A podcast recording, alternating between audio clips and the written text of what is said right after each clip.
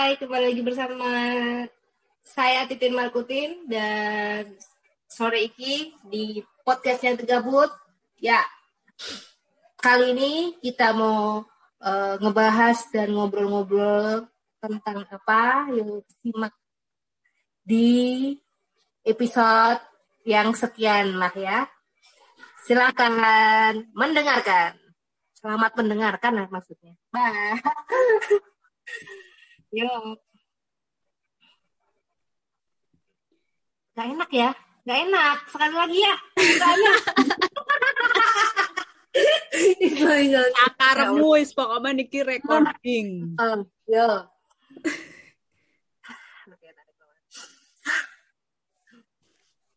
Udah lama banget anjir. Yuk. Ya. Uh, kembali lagi bersama saya Titin Markutin dan Sore Iki di podcast ya The Gabut episode sekian ribu. Uh, kita kali ini mau ngobrolin tentang masalah yang sedang naik daun. Apakah itu? Langsung simak aja. Tiga, dua, satu, mulai. ty të fale Jetën time Vetëm ty të kam. Hapi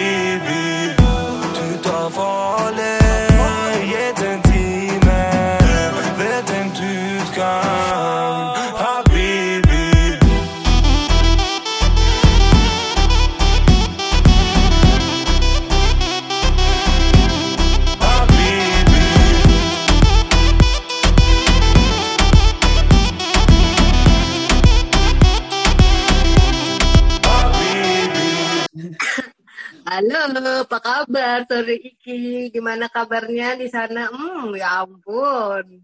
Ada pemandangan danau rupanya. Kamu lagi di pinggir danau. Iya, makanya saya pakai handuk ini. saya habis berenang. berenang Baik, baik, baiklah. Iya Bu, Titin Markutin, kamu kok lama tidak berjumpa itu kamu tuh ada apa kamu? Wah, kok pertanyaannya selalu ini ya, ini ya terlalu template ya. Ada apa? Saya lagi sibuk nih Bu mencari sebuah lowongan untuk mendapatkan cuan demi kesejahteraan hidup saya gitu ya. Maaf. Pusing banget, Wak. Ya Allah, Wak. Indonesia, hmm, kerjaan sebab susah apanya saya yang terlalu eh, gimana gitu. Itu masalahnya. Eh ngomong-ngomong itu Bando cocok tuh. Lumayan ya, pinky-pinky gitu ya. Ya cocok tuh. Cocok tuh M. Kayaknya cocok kita ya selalu pakai bandana dua-duanya. Oke. Eh, Ini ngebahas bandana ya, ya ampun. Eh, gitu dewa gimana ya wa em. kan kalau ngomong-ngomong nyari kerjaan kalau di luar negeri tuh susah susah. Susah susah gampang atau gampang aja gitu nyari kerjaan? Penasaran aja nih. Kayaknya sama aja sih Bu yang namanya nyari kerjaan di mana-mana. Memang hmm, pasti tetap ada perjuangan lah, maksudnya tetap ada struggle. Kadang kita yang nggak cocok, kadang perusahaannya yang nggak cocok dengan kita gitu kan, atau gimana gitu yo. Yo ngono lah, podo wae lah kabeh sakjane gitu. Hmm, tapi tapi kalau di sana tuh denger-denger kayak apa kayak jagain binatang aja bisa digaji kan ya kayaknya di Indonesia Soalnya juga bisa bisa digaji kan Bu? Kamu jagain laki orang digaji nggak? Oh, itu itu binatang langka ya, buaya dari kaki dua ya. Hmm, maaf. Hmm. Saya dijagain ini yang maha kuasa ntar. Aduh, malah ngomong kaki, mm, mm. eh ngomongin eh, buaya darat ya, dua ya. Mm. Ini tuh eh, ngikutin nggak sih kamu tuh kayak di Indonesia tuh eh, belakangan ini tuh banyak eh, sorotan khususnya untuk eh, wanita gitu ya eh, tentang eh, kejahatan apa ya namanya kejahatan kejahatan wanita lah kejahatan terhadap wanita lah gitu Hmm. Yang lagi trending sih kemarin denger-dengar tuh ada yang eh, meninggal di pekuburan ayahnya gitu terus ada juga yang apa namanya eh, yang punya ponpes atau apa gitu yang menghamili murid-muridnya sampai ada yang melahirkan juga Hmm. gitu ini kemarin selebgram di Indonesia ada yang meninggal juga karena kecelakaan yang diakibatkan dari si mantan pa- eh, pacarnya dulu dan tapi sekarang udah nggak pacaran lagi kan karena udah nggak ada berbulan gitu. Itu sih bu. Ya ampun. Kok Desember ini terlalu sad banget sih cerita ceritanya ngeri ngeri wa ya Allah. Sedih aku. Ya, ya aku nggak tahu ya, tapi aku memang sering dengerin itu dan sebenarnya sampai saat ini pun memang banyak kan cerita-cerita kayak gitu. Em, dan itu juga sih kegelisahan itu juga yang yang bikin aku menulis artikel tentang itu dan aku posting bukan aku posting sih jadi bagian dari proyek tentang feminisme di Asia gitu ya kamu perlu baca juga. Dan teman-teman semua kalau mau baca gitu. Karena itu aku mengangkat tentang Indonesia dan ya tentang perempuan Indonesia dan dan sekitarnya lah tentang permasalahan itu. Yang memang cukup sensitif tapi kalau kita nggak omongin kalau kita nggak buka mindset kita untuk untuk memperbaiki itu ya aku takutnya terus kayak nggak nggak selesai selesai gitu loh masalah ini tuh. Kayak selalu ada aja gitu yang jadi korban. Yang itu kan yang kita nggak mau. Gitu sih bu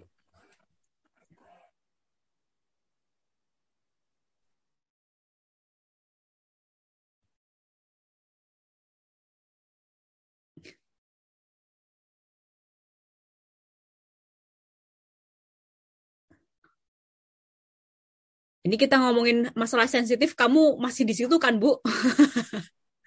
kamu kamu nggak apa-apa kan, Bu? Sinyal Tiba-tiba. Sinyal buruk ya sudah mengerikan ini. Aduh, ya Tuhan.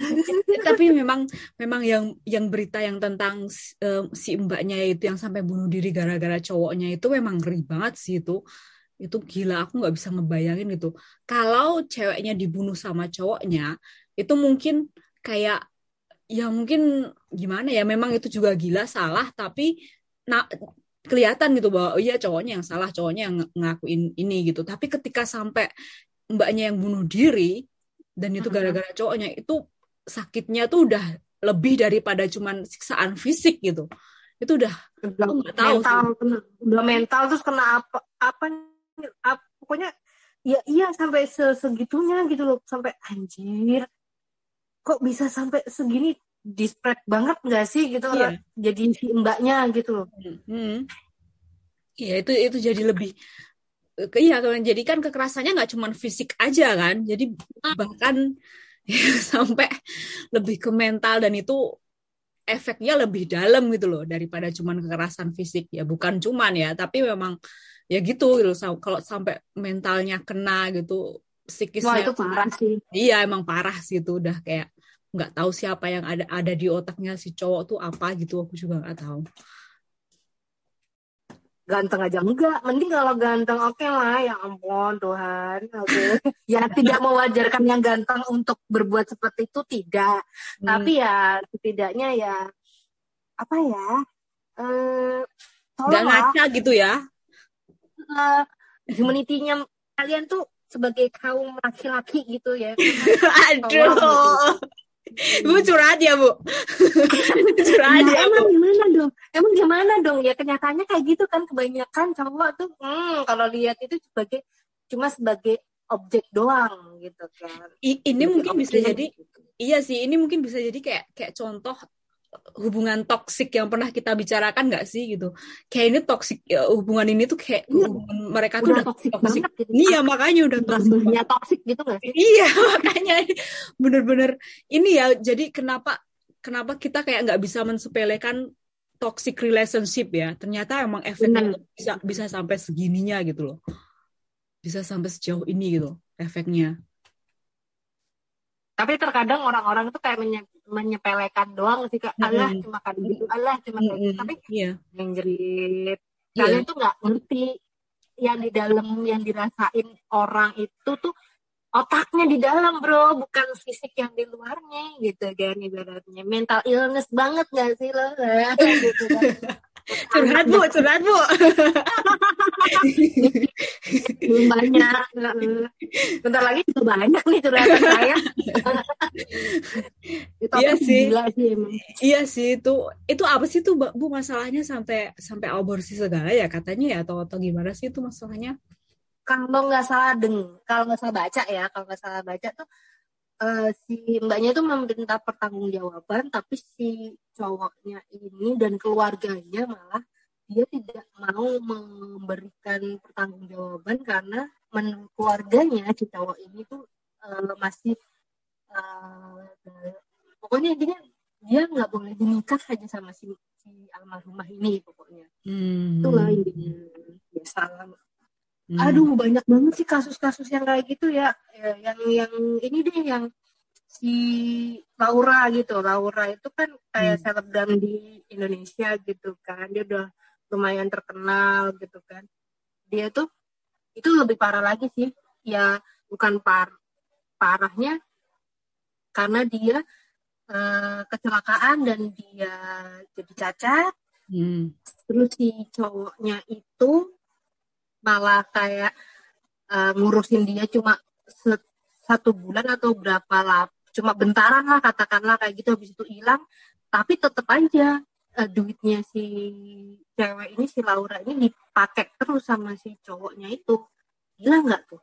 Ya itu itu juga salah satu toksik banget itu sumpah itu toksik. Aku aku nggak maksudnya aku nggak nyangka ya ternyata kok banyak gitu loh jadi jadi terkuak gitu loh kasus-kasus toksik gitu yang yang ternyata efeknya tuh bisa ngeri banget gitu. nggak disepel jangan disepelekan gitu ternyata bisa Mm-mm. sampai berujung nyawa juga gitu Iya, sampai berujung nyawa. Aduh, sih. Dan akhirnya si Laura ini semakin hari ke sini tuh bukan kesehatannya makin pulih, tapi dia makin kayak tertekan, ngedrop dan kamu tahu kan orang sakit harusnya kan imunnya bangkit gara-gara po- positive thinking gitu kan, maksudnya Hmm. vibe-nya harus positif kan. Hmm. Tapi ternyata dia kayaknya uh, udah kecapean kayak ah gue nggak bakalan sembuh nih, terus gue Hmm. ngapain lagi ngerepotin orang tua bla bla bla kan. Akhirnya dia ngedrop ngedrop ngedrop, ya akhirnya die juga gitu meninggal juga gitu kan itu Hmm. salah satu apa ya namanya cowoknya sih ih, parah sih sumpah Eh, kamu kudu lihat mukanya si Gaga itu wah parah banget asli nyebelin banget pas dia di sidang permintaan maaf ke keluarganya si Laura eh, pengen dikubur hidup-hidup tuh mukanya Tapi Bu ya, em, maksudnya ini korbannya kan kebanyakan cewek ya, Kor- korbannya kebanyakan cewek. Itu Kak, kamu kan juga pernah gitu kan terlibat dalam suatu toxic relationship gitu. Aku pun juga pernah gitu ngalamin hubungan. Aku nggak tahu ya kenapa kok kita tuh rentan banget gitu loh. Kalau menurutmu kenapa sih? Kenapa kamu bisa rentan banget kena jadi korban toxic relationship ini gitu? Kalau kalau dari pandangan kamu karena kamu juga pernah mengalami, aku juga pernah mengalami sih. Tapi mungkin kita bisa sharing aja. Menurutmu kenapa sih kamu bisa bisa terjebak dalam toxic relationship kayak gitu tuh? Bisa jadi tuh mungkin eh, nggak pede oh gitu. Nggak ke- maksudnya kan you know lah.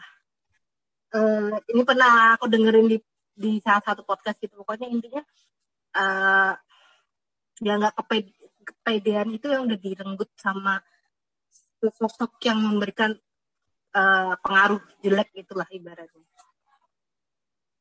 Jadi jadi kamu berharap cowok ini tuh memberi kepedean bagi kamu gitu. Cowok ini tuh menyokong kamu untuk eh, untuk ngasih pede itu atau gimana sih maksudmu?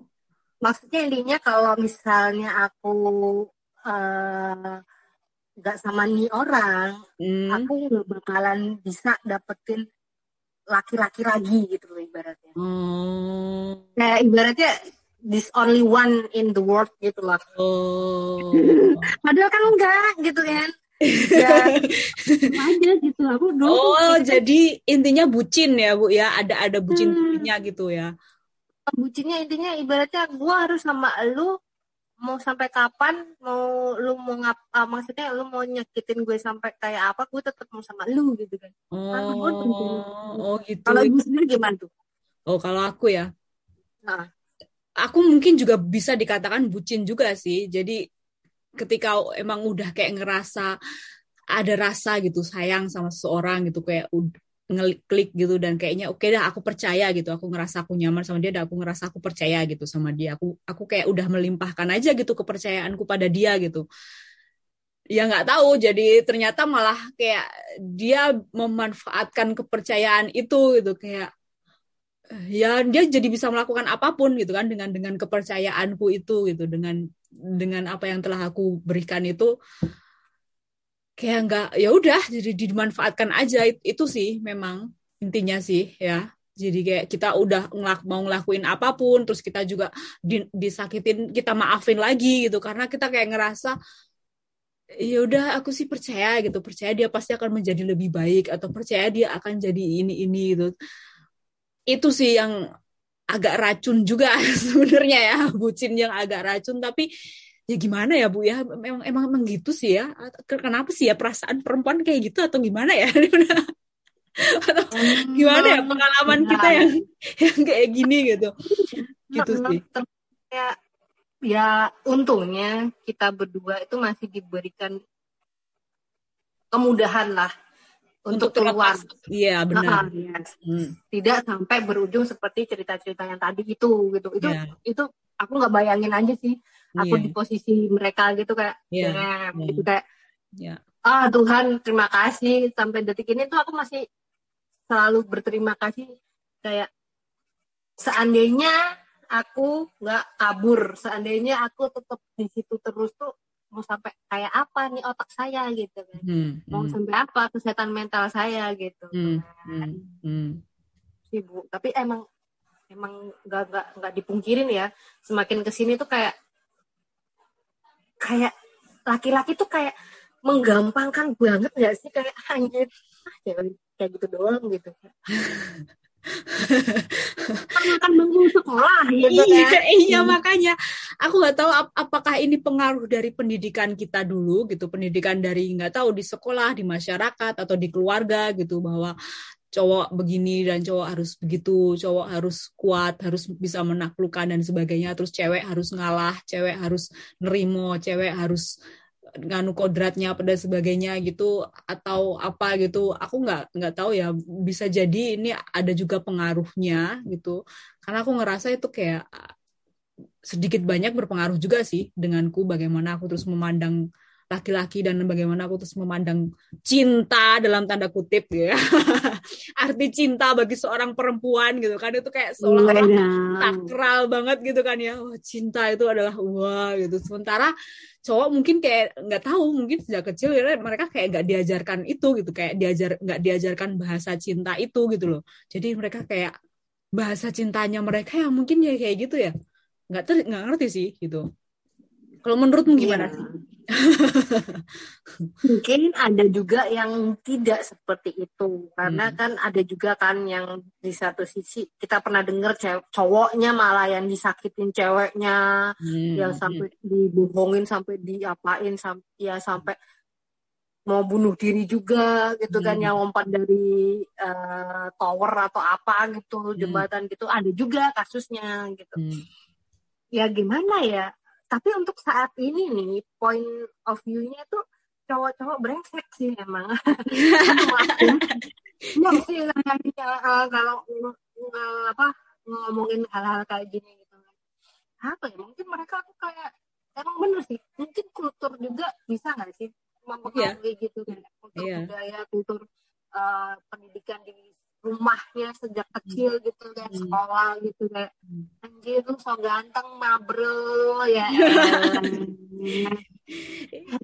Iya makanya seolah-olah cewek itu adalah sese- seseorang yang wah harus berkorban gitu kan cewek harus cewek itu nggak berdaya lemah butuh laki-laki atau dia harus dilindungi dan sebagainya gitu seolah-olah kayak cewek tuh seorang yang nggak berdaya gitu dan butuh sosok laki-laki untuk bikin dia berdaya gitu dan Hmm. ketika dia bener-bener nemu laki-laki yang dia terus tiba-tiba merasa nyaman merasa suka ya udah dia bener-bener langsung plong aja ngasihin kepercayaannya itu kepada dia gitu dan ya kalau ketemu orang yang tepat sih oke ya tapi kalau ketemu sama si toksik toksik Sama- ini Hmm. nah si eh, buaya-buaya darat ini nih ini nih yang jadi berbahaya gitu Betul gitu makanya.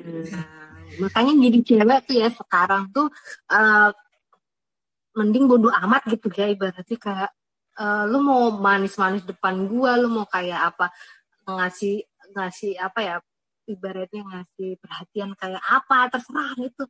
Jangan pakai hati deh cewek-cewek sekarang. Mainlah pakai otak ya. Waduh, oh, Hmm. jadi ini udah udah ke kesimpulan dan pesan-pesan untuk cewek-cewek di luar sana ini ya. Eh, ya enggak juga enggak. Belum sampai situ juga tapi kesel gitu sih kayak kayak anjir cowok cowok ya emang kayak kayak nggak punya etika banget gitu loh. Mannernya nggak ada gitu loh ibaratnya. Aduh Nggak cuman manner bu, itu otaknya udah nggak ada itu. Hmm, otaknya udah lari ke dengkul. Nah.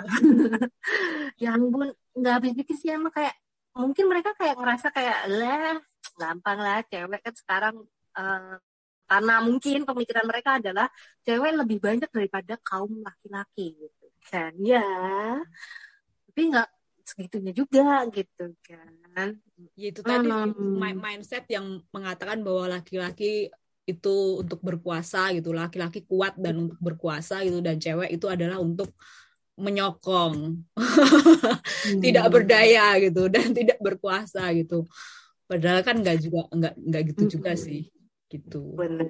Eh, tapi kalau tulisanmu itu, eh, kamu risetnya dari mana aja tuh? Kalau tentang itu sih aku mewawancarai mewawancarai beberapa orang ya. Ya dan salah Hmm. satunya tuh ada satu kawan dari dari Sumba salah satunya bukan dari Indonesia dari Syria gitu. Jadi memang kayak mix gitu ada ada yang dari Indonesia ada yang bukan dari Indonesia dan dan ya dari berbagai perspektif juga dari perspektifnya cowok dari perspektifnya cewek bahwa memang ada sih beberapa cowok yang kayak ngerasa beban juga gitu loh sebagai seorang cowok yang harus menafkahi keluarga harus gini harus jadi ini ini itu kadang itu juga jadi beban gitu loh untuk beberapa cowok. Dan untuk cewek pun juga gitu gitu loh beban gitu loh bahwa cewek harus sesuai kodrat apalah bahwa cewek harus begini begitu mematuhi apa eh, ini salah satunya gitu ya yang harus kayak oh berkorban terus harus gitulah itu kayak em, pressure culture gitu sih. Jadi budaya tuh kayak menekan kita untuk menjadi sesuatu yang yang di luar batas kita bahwa kita tuh manusia gitu loh, Bu. kita tuh manusia yang kadang gitu juga ya. bisa bisa lemah dan laki-laki pun juga bisa lemah dan cewek pun juga bisa kuat dan bisa lemah gitu. Itu loh. Jadi itu sih kadang-kadang ekspektasi-ekspektasi masyarakat dan budaya yang kadang nggak masuk akal itu jadi pressure tersendiri, jadi tekanan tersendiri gitu terhadap terhadap kita gitu. Dan it- itu ter- terjadi gitu loh di ketika aku mewawancara itu orang-orang itu. Dan mereka bener-bener curhat gitu. Jadi aku mewawancarai mereka tuh yang satu jam ya masing-masing orang tuh satu jam gitu. Dan aku nggak ngomong, aku cuma nanya sedikit gitu. Dan mereka tuh yang menjelaskan banyak gitu. Dan kayak curhat gitu loh mereka. Kayak oh iya gini gini. Terus aku yang langsung aku langsung kayak mind blowing gitu. Kayak astaga oh gini ya gitu. Jadi kayak aku nggak sendirian bahwa ternyata ada juga tuh orang-orang di luar sana tuh yang merasakan tekanan itu juga merasa tekanan atas stigma-stigma stereotip dan asumsi-asumsi ekspektasi dari masyarakat terhadap bagaimana menjadi cowok dan bagaimana menjadi cewek itu loh. Yang itu kayak nggak humanis banget gitu. Itu kayak nggak manusiawi banget gitu seolah-olah kita tuh semua bisa jadi seperti itu gitu. padahal enggak gitu loh kita punya kondisi masing-masing gitu kan kita punya keadaan masing-masing begitu bu makanya dari itu suaraku udah oke kan? Tadi Oh, agak udah. udah jadi gimana bu titin markutin kira-kira bagaimana kita akan menghadapi hubungan toksik dan menjadi eh, seperti apa kita nanti kira-kira pesan ini? pesannya Oh. dari Ibu Titin Markutin ini Oh, ini Monggo. udah penutup ya. Langsung diderek penutup ya kita. Apa ya? Eh, curhat dikit boleh nggak sih? ya monggo monggo Bu ah. banyak juga monggo Oke. eh, terima kasih untuk waktunya sore ini, gitu kan. Kita eh, sopan sopan banget gitu kan. Hmm. Eh, apa ya? Untuk saat ini sih aku yang ngerasain setelah setelah berkali-kali ketemu people toxic gitu Hmm. yang akhirnya itu di alam bawah sadarku aku juga sebelumnya udah kena juga sih udah kena mental illness juga apa ya Hmm. Walaupun nggak nggak nggak nggak sebanyak presentasinya ada lah. Hmm. itu gila sih ngeri sih emang kayak kayak tiba-tiba bisa ketakutan sendiri tiba-tiba bisa nangis sendiri gitu. Aku pernah ngalamin juga gitu. Hmm. Kayak- Eh, kayak hal-hal seperti itu. Dan akhirnya satu titik aku malah menjadi kayak eh, titik terang aku untuk mengerti siapa sih aku nih sebenarnya siapa sih? Apakah aku harus happy bersama orang lah maksudnya dengan pasangan? Atau aku bisa happy sendiri nih sekarang? Jadi aku kayak lagi mencari kesenanganku sendiri sih sekarang. Lebih ke situ sih. Makanya kayak mungkin eh, bagi wanita-wanita di luar sana yang misalnya eh, sedang apa ya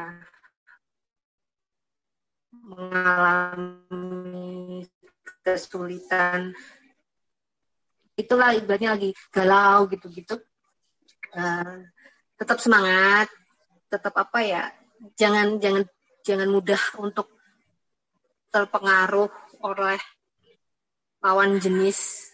Walaupun mereka memberikan kenyamanannya super duper nyaman tapi balik lagi deh tanyain ke diri kalian gitu.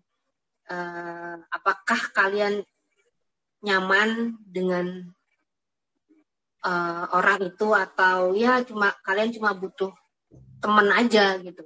Tanyain lagi aja gitu kalian butuh apa sih? Butuh butuh pasangan kah atau cuma butuh temen dalam artian temen ngobrol temen temen curhat gitu doang gitu. Tanyain lagi deh biar kalian tuh jangan ketemu orang-orang yang toksik toksik yang nggak jelas gitu soalnya banyak banget sih orang-orang kayak gitu sekarang apalagi lagi pandemi kayak gini kan orang-orang ada aja.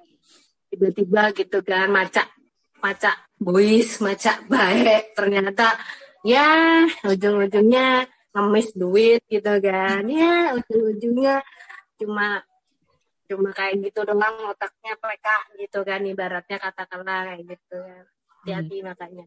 Hmm. itu sih Oke, wah mantap Dua sekali kali, itu. I- Iya, itu benar-benar pesan dari hati dari eh, Profesor Titin Markutin, ahlinya toxic Ah, kalau sore ini ya. gimana tuh? Sore ini gimana tuh kalau sore ini?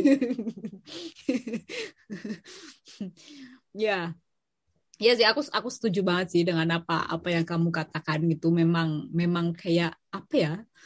Eh, mungkin lebih ke tameng diri atau pondasi dari diri kita dulu sih sebenarnya yang kuat ya. Kayaknya kita harus kayak benar-benar memberi fondasi dulu ke diri kita yang kuat sebelum kita terus kayak mudah goyah hanya karena bucin-bucin itu tadi gitu. Hanya karena terus ada seorang yang gombal-gombal dikit gitu terus kita kayak udah Baper gitu. gitu Oh, ya. oh, oh, udah baper, udah oke gitu. Itu sih memang memang bener memang kayak apalagi zaman sekarang yang modusnya macem-macem ya Bu ya. Ember. Benar, benar. Makin pintar tuh buaya-buaya ya. Hmm, udah kayak ini, kayak dipanci, eh, hati-hati. udah udah amfibinya kemampuan amfibinya tuh udah luar biasa banget tuh si buaya-buaya ya. Itu jadi kayak tantangan tersendiri bagi kita untuk bener-bener punya fondasi yang kuat terhadap diri kita gitu. Biar nggak itu termakan gombal-gombal si toxic people ini gitu. Karena ini sudah setengah jam. Iya, kan karena ini sudah setengah jam Mbak Titin Markutin, jadi Oh, oke. Kalau ngomongin kayak gini bisa berjam-jam ya, ya, itu kamu kan. Seneng banget udah kamu kalau suruh ngomongin kayak gini ya. Dari hati tenangnya ya. Terungkap semuanya. Oh, ya. unek-uneknya keluar semua kamu kan. Gitu. Ah, gimana Mbak Titin Markutin? Mau mau eh, ngomong apa lagi atau kita lanjut ke season berikutnya nanti? Udah udah cukup sekian kayaknya. Oke. Oke, terima kasih Ibu Titin Markutin atas waktunya ya. Telah men-sharing-sharing pengalamannya juga gitu. Profesor kita, profesor relationship tentang relationship apalagi spesialis hubungan toksik ya. udah lulus kamu ya Bu ya, udah udah oh, udah lebih dari Profesor relationship eh, spesialis hubungan toksik ini. Titin Markutin. Oke, itu saja kami dari The Gabut. Saya sore iki eh, dar- masih dari Berlin. Dan Titin Markutin masih dari Jogja. Wah, kembali ke Jogja sekarang. Ya. Ya, terima kasih untuk mendengarkan The Gabut. Terus jangan lupa ya eh, baca artikel saya. Wah, promosi. ya bisa di di searching di mana tuh? Nih, di link di bawah ini. Oh, nggak tahu di mana Oh. linknya. Udah gitu aja. Oke, terima kasih dan jaga diri, tetap sehat, tetap semangat loh. dan eh, tetap mendengarkan The Gabut. Sampai jumpa. Bye, dadah.